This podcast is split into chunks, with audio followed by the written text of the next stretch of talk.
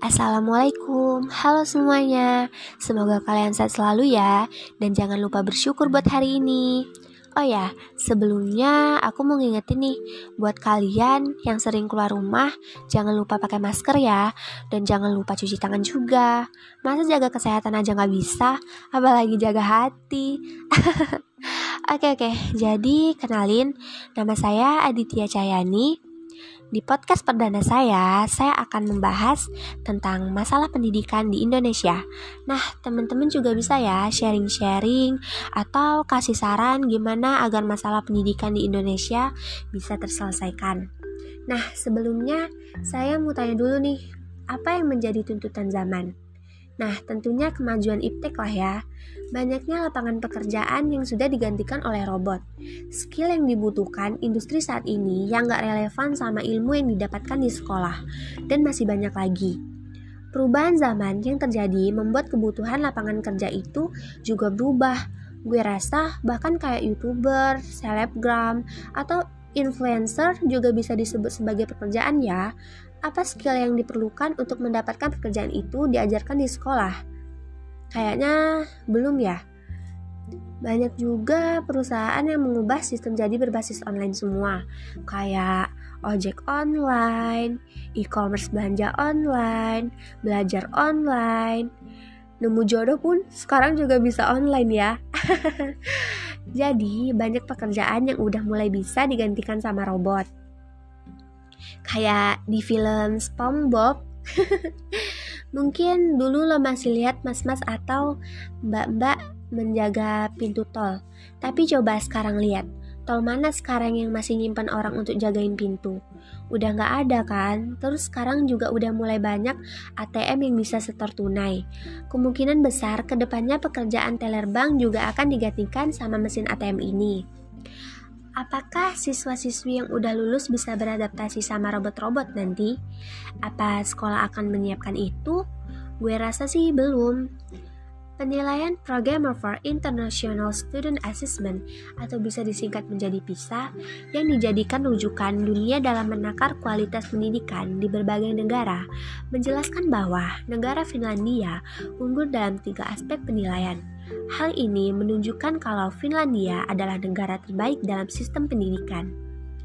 Sistem pendidikan Finlandia pun menurut gue ya nggak ribet-ribet banget mereka cuma mengedepankan kualitas gurunya, gak ada UN, jam sekolahnya pendek, gak banyak aturan, serta bahan ajar disesuaikan dengan kemampuan dan kebutuhan siswa. Siswa di sana nggak dipaksa untuk belajar semua mata pelajaran, bahkan mereka difasilitasi untuk mengembangkan minat dan bakat di luar pelajaran. Apakah Indonesia bisa melakukan hal yang sama? Nah, untuk melakukannya butuh banget peran dari semua pihak, mau pemerintah, guru, bahkan orang tua juga menjadi fasilitator siswanya. Gunanya apa? Kalau semua pihak ikut terlibat, gue yakin Indonesia akan lebih siap menghadapi perubahan zaman yang terjadi. Nah, peran orang tua nggak bisa dipungkiri ya, dalam pendidikan anak itu sangat penting, sama pentingnya dengan peran orang tua dalam perkembangan anak. Menurut Erikson, seorang tokoh psikologi perkembangan, hal pertama yang akan dipelajari oleh seorang anak saat baru lahir adalah rasa percaya.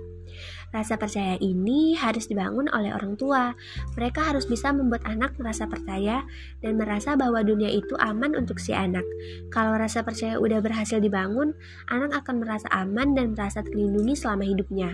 Sebaliknya, kalau rasa percaya gagal dibangun atau anak ngerasa nggak percaya sama orang tuanya sejak bayi, anak cenderung akan menghindar untuk membangun hubungan dilandaskan rasa saling percaya sepanjang hidupnya.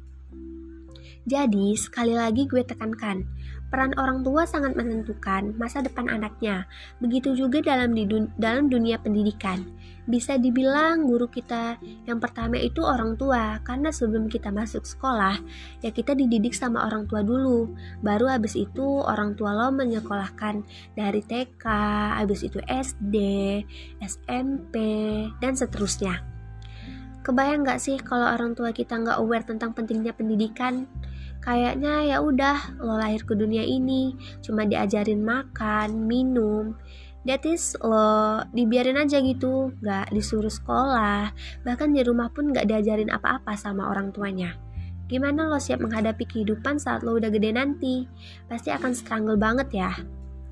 Mungkin di sudut Indonesia masih ada yang mengalami seperti itu.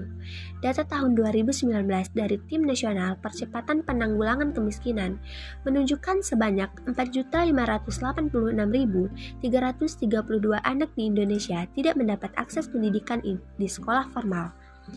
Ini bisa terjadi ya, mungkin karena kesadaran masyarakat akan pentingnya pendidikan juga rendah. Makanya, peran orang tua adalah sebagai solusi pertama untuk memperbaiki sistem pendidikan di Indonesia. Tingkatkan dulu kesadaran pentingnya pendidikan. Caranya gimana? Nah, mungkin ini akan masuk ke solusi yang kedua, yaitu peran guru.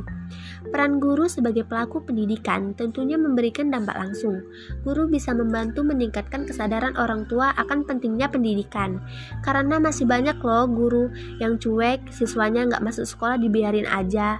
Padahal menurut gue, guru sangat memungkinkan untuk mempertahankan siswanya untuk tetap sekolah. Banyak pepatah yang bilang, kalau kesuksesan seorang guru itu dinilai dari seberapa banyak siswanya yang sukses. Jadi, kalau siswanya gagal, salah siapa? Cara guru mengajar juga mungkin bisa diubah untuk solusi memperbaiki sistem pendidikan. Menurut gue di zaman sekarang cara seorang guru mengajar siswa itu nggak bisa disamain kayak sam kayak cara mengajar 10 tahun yang lalu ya.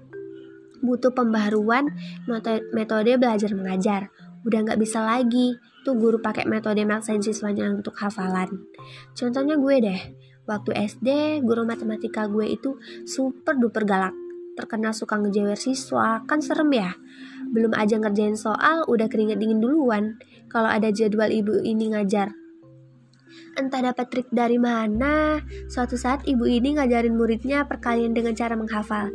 Jadi gue sama temen-temen gue itu wajib hafal perkalian satu kali satu sampai sepuluh kali sepuluh. Kebayang ya, gurunya tuh galak, pelajarannya nggak asik, disuruh ngafalin pula.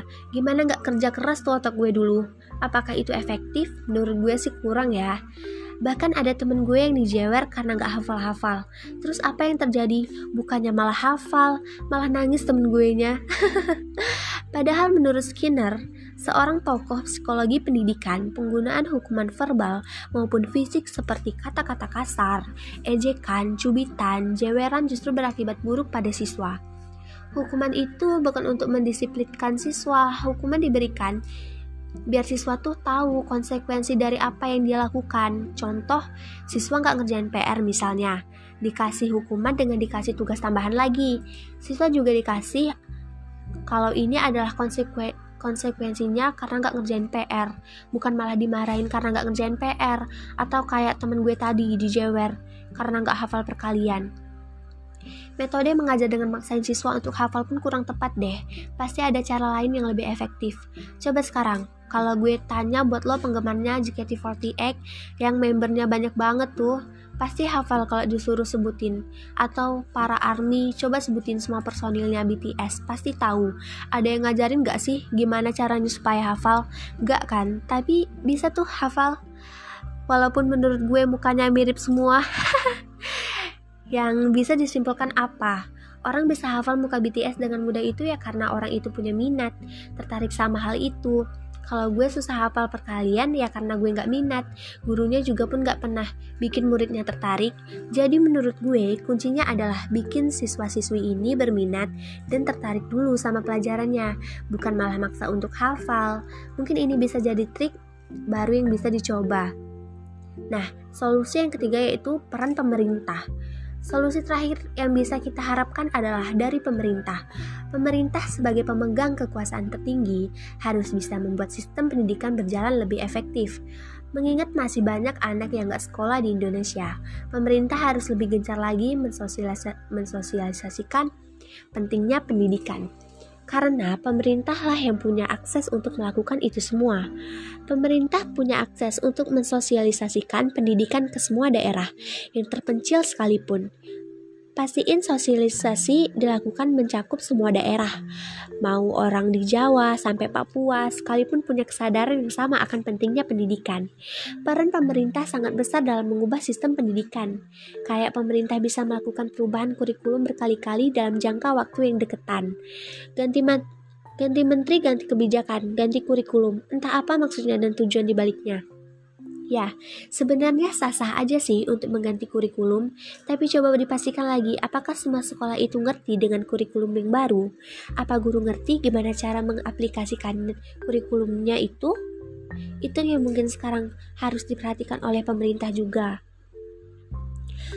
Lo juga mungkin udah dengar kalau 2021 UN UN-nya akan berubah nama menjadi asesmen kompetensi. Gue pribadi sangat berharap cara ini bisa jadi solusi efektif untuk sistem pendidikan di Indonesia. Asesmen kompetensi berfokus pada penilaian yang dilakukan oleh Program Penilaian Pelajar Internasional atau Program for International Student Assessment atau disingkat menjadi PISA, seperti literasi atau membaca buku, numerasi, atau berhitung dan survei karakter. Diharapkan asesmen kompetensi ini juga bisa meningkatkan nilai PISA Indonesia yang ada di urutan bawah. Menurut gue, hal ini cukup relat ya sama kebutuhan industri sekarang. Jadi siswa nggak disuruh dikit-dikit menghafal, tapi lebih didorong untuk jadi siswa yang berkarakter. Karena dengan begitu diharapkan siswa akan menjadi attitude yang baik, di mana hal itu penting untuk bisa survive di dunia pekerjaan saat ini. Konsep ini akan mengubah metode belajar mengajar menjadi multi arah, sehingga bisa membuat proses belajar lebih inovatif, kreatif, dan kolaboratif. Bukan cuma siswa dengerin guru ngajar kayak kayak gue dulu gitu ya. Inovasi yang sangat bagus tentu akan menyegarkan sistem pendidikan juga. Tapi pertanyaannya, kapan semua inovasi itu bisa efektif terrealisasikan. Butuh waktu yang lama dan ini nggak mudah. Pendidikan di Indonesia bisa sukses ketika semua pihak bisa berkolaborasi satu sama lain. Orang tua mendukung, guru memadai, pemerintah pun memfasilitasi, atau bahkan dari pihak swasta juga berkontribusi. Cukup sulit memang untuk dilakukan, tapi gue yakin kita bisa. Indonesia pasti bisa. Terus apa solusi yang mungkin dilakukan oleh kita dalam waktu dekat ini? Nah, jawabannya adalah berubah mulai dari diri lo sendiri. Sederhana bukan? Menurut gue ini ya, solusi yang paling memungkinkan untuk masalah sistem pendidikan saat ini mulai aja dari diri lo sendiri. Buat lo, siswa-siswi atau mahasiswa di mana pun, yuk mulai aware kalau pasar industri saat ini udah berubah dan lo harus menyiapkan diri lo untuk menghadapinya. It's okay kalau lo masih diajarin pelajaran yang gak relevan. Terima aja dulu, sabar pemerintah juga lagi berusaha mem memperbaikinya kok. Tapi lo juga nggak bisa diem diem doang. Mungkin yang yang harus lo lo gue kita sama-sama lakuin adalah yang pertama yaitu yakin kalau sistem pendidikan di Indonesia akan jadi lebih baik. Mungkin Lo sekarang mikir, ah gak mungkin bisa berubah sistem pendidikan mah. Punya kuasa apa gue? Eits, jangan salah. Kalau banyak orang yakin dan optimis, hal yang awalnya gak mungkin bisa jadi mungkin. Nah, yang kedua, fokus mengembangkan diri. Setelah lo yakin, mulai sekarang lo coba mempelajari skill-skill baru yang lo minati. Skill gimana? Bikin YouTube channel mungkin, skill public speaking, atau apa pun deh. Yang penting dalam hidup dan gak lo dapat dari sekolah. Jangan pernah ragu untuk mempelajari hal baru.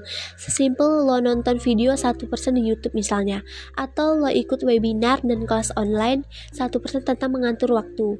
Di, di, di situ banyak banget hal-hal yang penting yang bisa lo pelajari untuk menunjang kehidupan lo nanti. Lo bisa kenali diri lo, bisa punya tujuan hidup yang terarah, relasi yang sehat juga.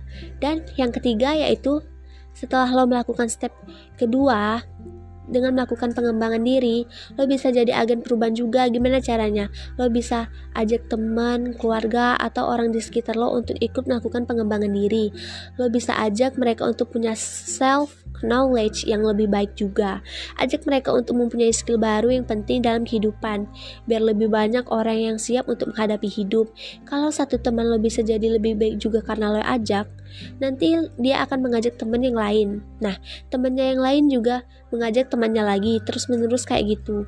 Gue yakin dengan cara ini, orang lulusan S1, bahkan siswa lulusan pendidikan formal sekalipun bisa lebih siap menghadapi dan beradaptasi dengan perkembangan industri yang sekarang.